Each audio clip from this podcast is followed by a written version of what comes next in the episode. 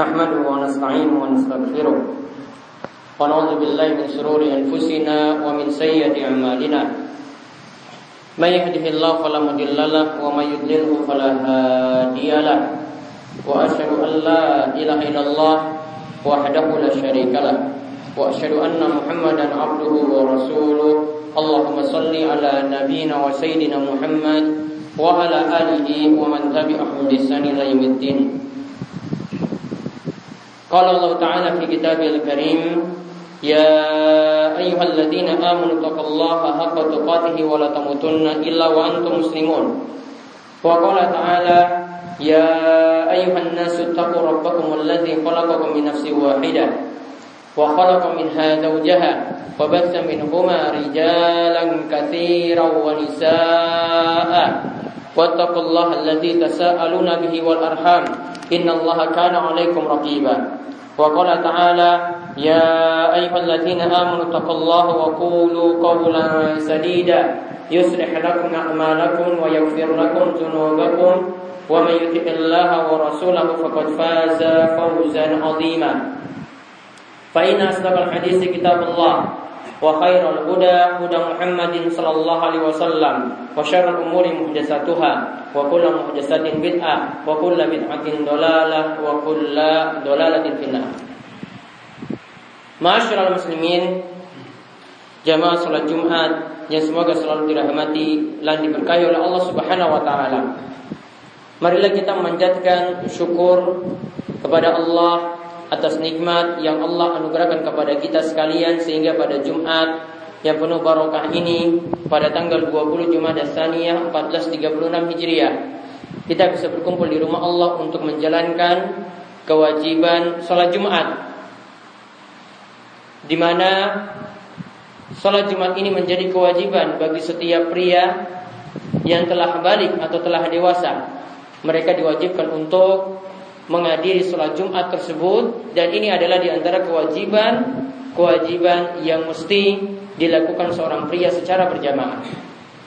Kita bersyukur kepada Allah atas nikmat tersebut dan mudah-mudahan kita dapat membuktikan rasa syukur kita dengan terus beribadah dan melakukan ketaatan kepada Allah Subhanahu wa taala. Kemudian salawat dan salam semoga tercurahkan kepada junjungan kita Nabi besar Nabi agung kita Muhammad sallallahu alaihi wasallam. Pada para sahabat juga kepada para ulama yang telah memperjuangkan Islam dan kita ditugaskan untuk mengikuti jejak mereka yang baik yang di mana dengan mengikuti jejak Nabi SAW dan para sahabat kita dapat menempuh jalan yang lurus yaitu jalan siratal mustaqim. Masyarul muslimin jamaah salat Jumat yang semoga selalu dirahmati dan diberkahi oleh Allah Subhanahu wa taala. Allah Subhanahu wa taala berfirman tentang keadaan orang-orang munafik yaitu orang-orang yang pura-pura dalam keadaan Islam Orang yang pura-pura dalam keadaan Islam yang hidup di tengah-tengah Nabi Muhammad sallallahu alaihi wasallam dahulu. Allah katakan wa iza qamu ila sholati qamu kusala yura'unan nasa wa la illa qalila. Kata Allah Subhanahu wa taala dan apabila mereka berdiri yaitu orang-orang munafik itu berdiri untuk sholat mereka berdiri dalam keadaan malas Kemudian mereka pun melaksanakan sholat dalam keadaan ria, yaitu ingin dilihat oleh orang banyak, ingin cari muka, ingin cari pujian. Kemudian kata Allah, wala Allah illa qalila dan mereka hanya berzikir sedikit kepada Allah Subhanahu wa taala. Mereka hanyalah berzikir dengan zikir yang sedikit kepada Allah Subhanahu wa taala. Maka kita lihat di sini para jamaah ada tiga sifat orang munafik. Ya, ada tiga sifat orang munafik yang disebutkan dalam ayat ini, yaitu dalam surat An-Nisa ayat ke-142. Yang pertama, solatnya orang munafik. Mereka mengerjakan solat.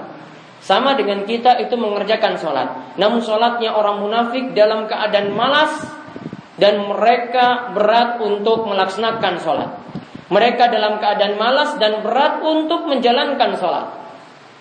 Kemudian yang kedua, Mereka kalau sholat dalam keadaan ria, ingin cari pujian dari orang lain. Mereka tidak ikhlas karena Allah Subhanahu wa taala. Kemudian yang ketiga, mereka berzikir mengingat Allah sangat-sangat sedikit. Dalam keadaan mepet, dalam keadaan waktu yang ada saja, mereka baru mau berzikir kepada Allah Subhanahu wa taala. Kita lihat sifat-sifat tersebut. Yang pertama, orang munafik itu sholat dalam keadaan berat. Dan orang munafik itu sholat hanya ingin cari muka, ingin cari pujian.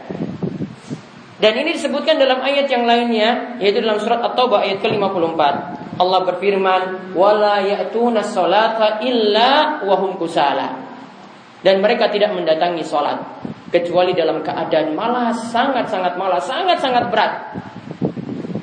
Dan para ulama itu mengatakan bahwasanya asalnya sholat orang munafik seperti itu. Orang munafik mereka sholat namun sholatnya dalam keadaan malas. Sangat-sangat berat untuk melaksanakan sholat. Dan mereka sholat untuk cari pujian. Tidak ikhlas karena Allah subhanahu wa ta'ala. Boleh jadi ya karena nanti dapat bantuan, boleh jadi karena masalah harta nanti akan diberikan ketika mereka itu sholat, baru mereka ingin melaksanakan sholat ketika itu.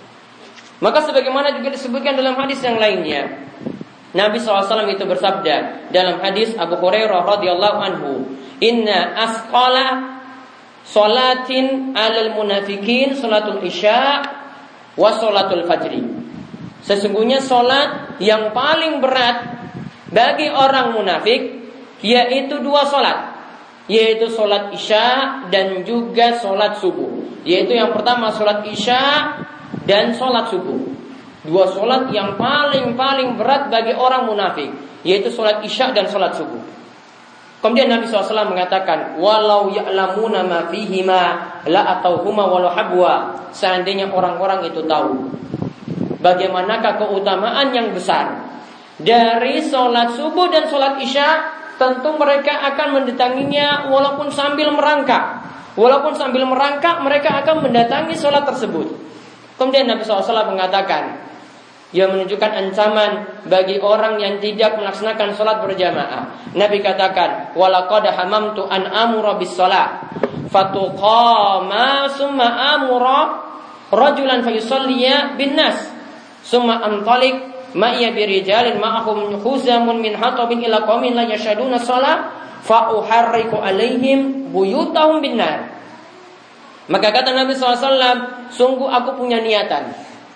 Yaitu niatan Nabi SAW itu bagaimana? Beliau akan memerintahkan sudah sholat isya itu dilaksanakan saja.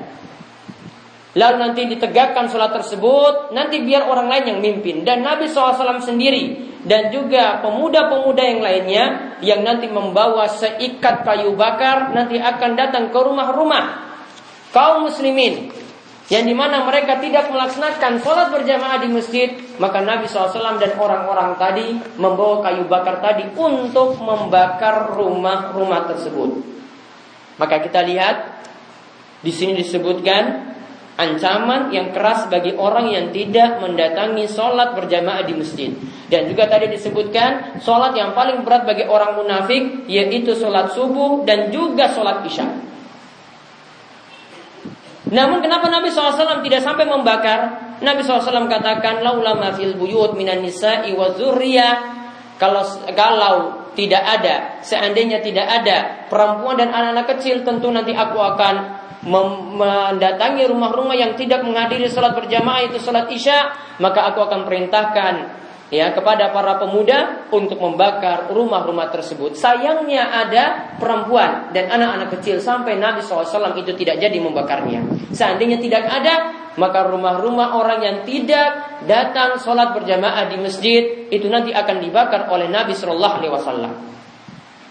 Maka kita lihat di sini sholat yang orang munafik itu adalah sholat yang malas. Mereka berat untuk menjalankan sholat. Mereka menjalankan sholat namun sholat subuh dan sholat isya itu sangat-sangat berat untuk dilaksanakan.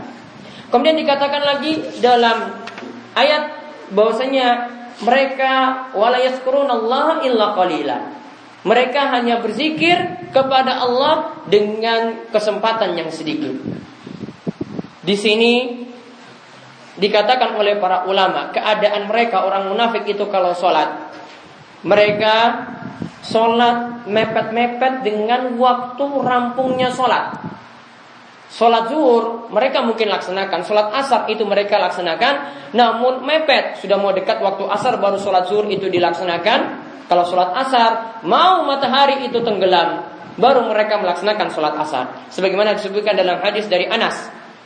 Ketika itu ada cerita bahwasanya Al-Ala bin Abdurrahman itu datang menemui Anas bin Malik. Ketika itu Anas bin Malik berada di Basrah. Maka saat itu Anas melaksanakan sholat. Ya, Anas melaksanakan sholat, berampung sholat, setelah sholatnya itu rampung, selesai, Anas bin Malik kemudian bertanya kepada Ala dan kawan-kawannya, sudahkah kalian itu melaksanakan sholat asar? Mereka katakan, tadi kami baru rampung sholat zuhur. Sudah mau masuk asar, baru mereka melaksanakan sholat zuhur ketika itu. Maka Anas bin Malik memerintahkan kepada Ala dan kawan-kawannya, sudah, kalian segera laksanakan sholat asar. Lalu mereka melaksanakan sholat asar setelah rampung melaksanakan sholat asar. Dan ini mepet-mepet dengan keadaan matahari tenggelam. Sudah mau maghrib. Maka ketika itu Anas mengatakan bahwasanya aku pernah mendengar Rasulullah SAW itu bersabda, "Tilka sholatul munafik." Sholat yang kalian lakukan ini mepet-mepet dengan waktu maghrib. Padahal ini sholat asar. Ini adalah sholatnya orang munafik. Ya jadi suyar kubus syamsa. Orang munafik itu sholat. Mereka tunggu matahari akan tenggelam. Hatta izakanat baina kornai syaitan. Sampai matahari itu berada pada dua tanduk setan. Koma mereka lantas berdiri. Fana arba'an. Lalu mereka melaksanakan sholat asar sebanyak empat rakaat la fiha illa qalila. Mereka berzikir pada Allah dengan zikir yang sesaat. Mereka sangat sedikit sekali berzikir kepada Allah Subhanahu wa taala. Maka kita lihat orang munafik solatnya itu sebentar. Waktu kesempatan yang sedikit mereka gunakan. Yang mereka gunakan di sini adalah waktu mepet sholat itu sudah mau selesai. Itu sifatnya orang munafik. Kemudian Tanda yang lainnya lagi dari orang munafik ini disebutkan oleh para ulama. Mereka mengatakan seperti dikatakan oleh Ibnu Mas'ud saat Ibnu Mas'ud itu menerangkan tentang sholat jamaah itu adalah petunjuk Rasul. Siapa yang mengambil petunjuk Rasul seperti ini maka dia akan selamat. Berarti yang tidak mengambil petunjuk Rasul enggan untuk melaksanakan sholat di masjid. Berarti dia tidak akan selamat. Maka Ibnu Mas'ud itu mengatakan, "Walaqad ra'aituna wa ma yatakhallafu anha illa munafik ma'lumun nifaq." Yang kami pandang kalau ada orang yang enggak enggan melaksanakan sholat berjamaah, maka kami nyatakan dia sebagai munafik tulen. Dia adalah munafik tulen. Walaka walaqad kana ar-rajul yu'tabi yuhada baina rajulaini hatta yuqama fis Maka karena ini karena takut dibilang munafik tulen, maka dulu yang terjadi di masa Islam, kalau ada orang yang sulit datang ke masjid sampai mesti dibopong sampai mesti orang lain yang nanti akan uh, akan membawanya ke masjid, maka ada ketika itu orang yang datang sampai dibawa oleh dua orang di kanan kirinya. Lantas dibawa sampai datang ke soft untuk melaksanakan sholat berjamaah. Ini supaya tidak disebut sebagai orang munafik. Berarti orang yang melaksanakan sholat di masjid, dia selamat dari sifat munafik. Dan orang yang tidak melaksanakan sholat di masjid, dia memiliki tanda-tanda munafik seperti yang dikatakan oleh Ibnu Mas'ud di sini. Begitu juga dikatakan oleh sahabat yang lainnya, yaitu Abdullah bin Umar. Ia mengatakan, Kunna idza faqadna al-insan fi salatil isya til akhirah was subhi asana bihi Kami kalau dapati ada orang yang tidak mendapatkan atau tidak melaksanakan sholat isya dan juga sholat subuh. Kalau dikatakan kami tidak mendapatkan, berarti dia tidak datang sholat subuh dan sholat isya di masjid. Maka kami sudah menaruh curiga, kami sudah suuzon kepada orang tersebut. Karena apa? Dia melakukan pelanggaran karena tidak melaksanakan sholat subuh dan sholat isya di masjid. Maka kita lihat bagaimana keadaan para sahabat dahulu. Dan juga keadaan Nabi Shallallahu Alaihi Wasallam mereka sangat-sangat perhatian dengan sholat berjamaah terutama lagi adalah sholat subuh dan sholat isya yang dianggap berat bagi orang munafik. Dan orang-orang munafik Mereka keadaan sholatnya adalah sholatnya dalam keadaan malas, dalam keadaan berat, dan mereka cuma mau sholat, cuma mau berzikir, cuma sesaat saja, yaitu dalam keadaan butuh, dalam keadaan susah baru melaksanakan sholat. Kalau tidak dalam keadaan seperti itu mereka enggan untuk melaksanakan sholat. Maka kita berlindung pada Allah, mudah-mudahan kita selamat dari sifat-sifat kemunafikan dan Allah memberikan kita petunjuk untuk mendapatkan jalan yang lurus. Aku lu qauli hadza wa astaghfirullah alim wa muslimin innahu huwas samiul alim.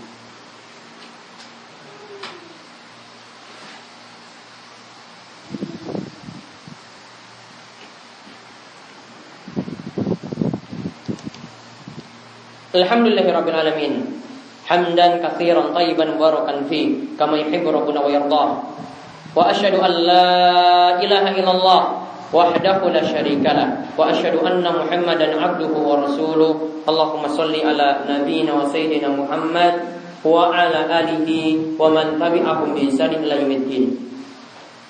Kaum muslimin, para jamaah salat Jumat yang semoga selalu dirahmati oleh Allah Subhanahu wa taala. Kita killah marilah kita terus menambahkan ketakwaan kita kepada Allah Subhanahu wa taala. Semoga dengan kita semakin bertakwa maka kita akan mendapatkan berbagai macam kemudahan dan diangkat dari berbagai macam kesulitan. Kembali ke masalah sholat di masjid. Ada perkataan yang sangat bagus dari seorang tabi'in yang bernama Ibrahim An-Nakhai. Ia mengatakan, "Kafa alaman ala nifaq." Cukup seseorang itu disebut munafik. Kafa alaman ala nifaq cukup seseorang itu disebut munafik. Ayakun rajul jaral masjid. Di mana orang ini? Dia adalah tetangga masjid. Sangat-sangat dekat dengan masjid. La yurafi. Namun sayangnya batang hidungnya itu tidak pernah nongol di masjid. Namun sayangnya keadaannya setiap harinya tidak pernah berada di masjid. Padahal dia apa? Dia jadi tetangga masjid, jadi jarol masjid. Apa yang dimaksudkan dengan tetangga masjid?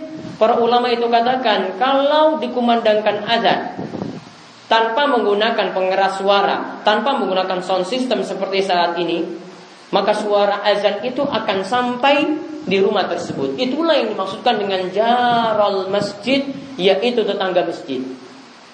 Maka orang yang keadaannya jauh dari masjid, ini tidak seperti orang yang keadaannya dekat dengan masjid ketika kumandang azan, dia dengar setiap hari. Di sini dikatakan oleh Ibrahim An-Nakhai, orang yang tidak pernah nongol di masjid, orang yang tidak pernah berada di masjid, maka kita katakan orang itu memiliki tanda-tanda munafik. Orang itu memiliki tanda-tanda munafik. Dan kalau para ulama itu menyebutkan ini tanda kemunafikan Atau Nabi SAW itu menyebutkan ini tanda orang munafik Maka ini menunjukkan sifat-sifat yang jelek Sebagaimana yang Nabi katakan kalau berkata dusta Kalau berjanji mengingkari Kalau diberi amanat dia khianat Disebut ini adalah tanda-tanda munafik Maka ini menunjukkan kalau disebut itu tanda munafik Berarti ini adalah tanda yang jelek. Maka kalau kita ingin selamat dari sifat kemunafikan, maka berusaha untuk melaksanakan sholat berjamaah di masjid. Jangan sampai kita cuma bertujuan saja untuk bangun masjid. Orang bangun masjid, namun tidak pernah berada di masjid, ya sama sekali dia tidak akan mendapatkan kebaikan. Apa manfaatnya dia bangun masjid yang megah seperti ini? Dia bangun masjid yang besar, ya apakah dia catat dalam kebaikan? Tidak. Kalau dia tidak pernah melaksanakan sholat berjamaah di masjid, tidak pernah memakmurkan masjid itu sendiri, maka dia tidak akan dicatat sebagai orang-orang yang mendapatkan kebaikan. Dia jadi orang-orang yang merugi, maka tidak ada manfaat. Kerja setiap hari di masjid, bangun masjid, memasang besi, memasang yang lainnya sampai masjid itu berdiri megah. Namun batang hidungnya tidak pernah nongol di masjid, maka tidak ada manfaat. Sama halnya juga ketika seorang jadi tetangga masjid, jarang masjid. Namun batang hidungnya tidak pernah nongol di masjid. Namun kalau disuruh pergi negal, kalau golek pakan, kalau pergi buruh, kalau pergi jenguk orang sakit, dia bisa pergi berkilo-kilo. Sampai 3 km pun dia bisa pergi dengan kendaraan bermotornya. Namun untuk nongol ke masjid, Masya Allah, jauhnya sama sekali. Ya, tidak punya rasa takut sama sekali kepada Allah Subhanahu wa taala. Padahal dia gitu pergi ke masjid cuma 500 meter pun tidak sampai, 100 meter pun tidak sampai, 50 meter pun tidak sampai. Dia jadi tentara masjid, namun tidak pernah nongol di masjid. Sholat subuh tidak pernah, sholat zuhur tidak pernah, asar tidak pernah, maghrib, isya tidak pernah. Setiap hari dia mendengarkan adzan hayya ala sholat hayya ala falah. Tanda-tanda munafik pada orang seperti itu. La yurofi. Kata Ibrahim An-Nakhai, dia tidak pernah nongol di masjid. Dikatakan apa? Dia memiliki tanda-tanda kemunafikan. Maka kaum muslimin sekalian, marilah kita memperbaiki ketakwaan kita kepada Allah Subhanahu wa taala. Tugas kita hidup di dunia ini adalah untuk beribadah. Tugas kita bukan hanya untuk makan, untuk minum dan tidak diperintah dan tidak dilarang sama sekali bukan. Namun kita punya satu tujuan yaitu untuk beribadah kepada Allah Subhanahu wa taala. Marilah kita menjadikan negeri kita ini, kampung kita ini, dusun kita ini menjadi dusun yang baik, menjadi dusun yang teladan, menjadi orang-orang yang taat beribadah dan semoga Allah memberikan kemakmuran dan memberikan kebaikan kepada kita sekalian. Marilah kita berselawat kepada Nabi SAW karena di hari Jumat yang penuh barokah, Nabi SAW memerintahkan kepada kita untuk untuk banyak berselawat kepada beliau. Inna Allah malaikatahu yusalluna ala nabi. Ya ayuhalladzina amanu sallu alaihi taslima. Allahumma salli ala Muhammad wa ala ali Muhammad kama sallaita ala Ibrahim wa ala ali Ibrahim innaka Hamidun Majid. Allahumma barik ala Muhammad wa ala ali Muhammad kama barakta ala Ibrahim wa ala ali Ibrahim innaka Hamidun Majid. Marilah kita memanjatkan doa kepada Allah Moga-moga pada hari Jumat yang penuh barokah ini Allah memperkenankan setiap doa-doa kita, kebaikan kita peroleh dan juga kita diangkat dari berbagai macam kesulitan. Allahumma fir muslimina wal muslimat wal mu'minina wal mu'minat al ahya'i minhum wal amwat innaka sami'un qaribun mujibud da'wat. اللهم اقسم لنا من خشيتك ما تحول به بيننا وبين معصيتك ومن طاعتك ما تبلغنا به جنتك ومن اليقين ما تهون به علينا مصائب الدنيا. اللهم متئنا بأسماعنا وأبصارنا وقواتنا ما أحييتنا واجعله وارث منا واجعل ثأرنا على من ظلمنا وانصرنا على من عدانا.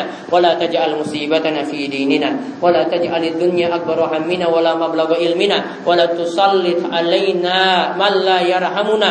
ربنا هب لنا من أزواجنا azwajina wa dzurriyyatina qurrata ayun waj'alna lil muttaqina imama. Ya Allah ya Rabb kami, ampunilah segala dosa-dosa kami. Berilah petunjuk kepada kami, petunjuk kepada jalan yang lurus. Ya Allah ya Rabb kamu ampunilah segala dosa kedua orang tua kami. Begitu juga dosa orang-orang yang telah mendahului kami. Mudah-mudahan kami pun dapat berjumpa dengan mereka berada dalam keadaan baik, berada dalam keadaan selamat dan juga selamat dari berbagai macam siksa di dunia dan akhirat. Ya Allah ya Rabb kami, berikanlah petunjuk kepada kami untuk melaksanakan sholat. Berikanlah petunjuk kepada kami untuk bisa datang ke masjid, memenuhi panggilan hayya ala sholat, hayya ala falah untuk mendapatkan kebaikan dan untuk mendapatkan keselamatan. Ya Allah ya Rabb kami, berikanlah petunjuk kepada istri-istri kami supaya dapat menutup aurat. Ya Allah berikanlah petunjuk kepada kami supaya kami juga dapat selamat dari sifat-sifat kemunafikan. Ya Allah berikanlah keberkahan kepada negeri kami ini. Turunkanlah hujan yang penuh barokah, bukan hujan yang membawa sengsara. Ya Allah berikanlah limpahan rizki dan angkatlah kami dari berbagai macam kesulitan. Begitu juga kesulitan dalam masalah utang dan dalam masalah penyakit dan juga berbagai macam kesulitan yang lainnya. Ya Allah berikanlah kebaikan kepada pemimpin kami dalam memimpin negeri ini. Selamatkanlah kami dari berbagai macam musibah dan berbagai macam kesulitan yang dapat menyengsarakan kami. Rabbana atina fid dunya hasanah wa fil akhirati hasanah wa qina adzabannar. Rabbana atina fid dunya hasanah wa fil akhirati hasanah wa qina adzabannar. Rabbana atina fid dunya hasanah wa fil akhirati hasanah wa qina azabannar. Inna Allah ya'muru bil adli wal ihsan wa ita'i dzil qurba wa yanha 'anil fahsya'i wal munkar wal baghi. Ya'idzukum la'allakum tadhakkarun wa la dzikrullahi akbar aqimus shalah.